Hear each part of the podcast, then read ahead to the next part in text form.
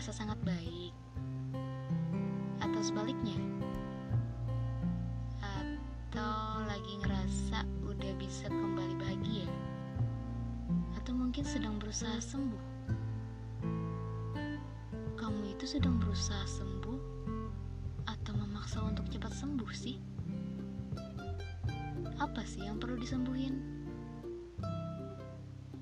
Bukannya memaksakan untuk bisa cepat sembuh,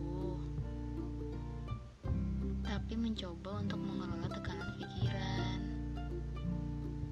Coba untuk bisa mengelola tekanan. Jangan dipaksa.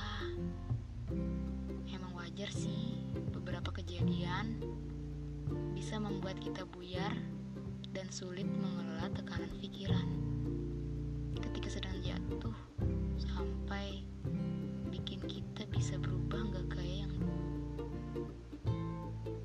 wajar kalau seseorang bisa ngerasa sebagai manusia yang paling terpuruk sedunia.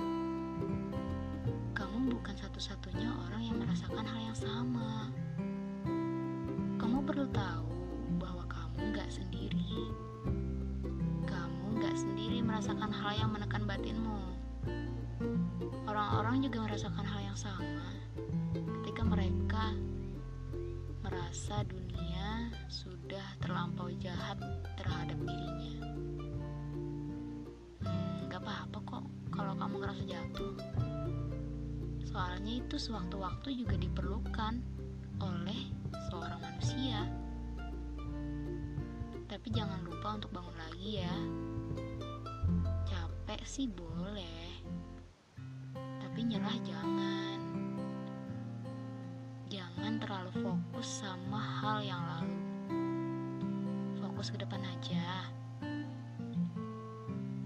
Memang ya, kalau soal keterpurukan bisa sulit banget buat menahan rasa itu.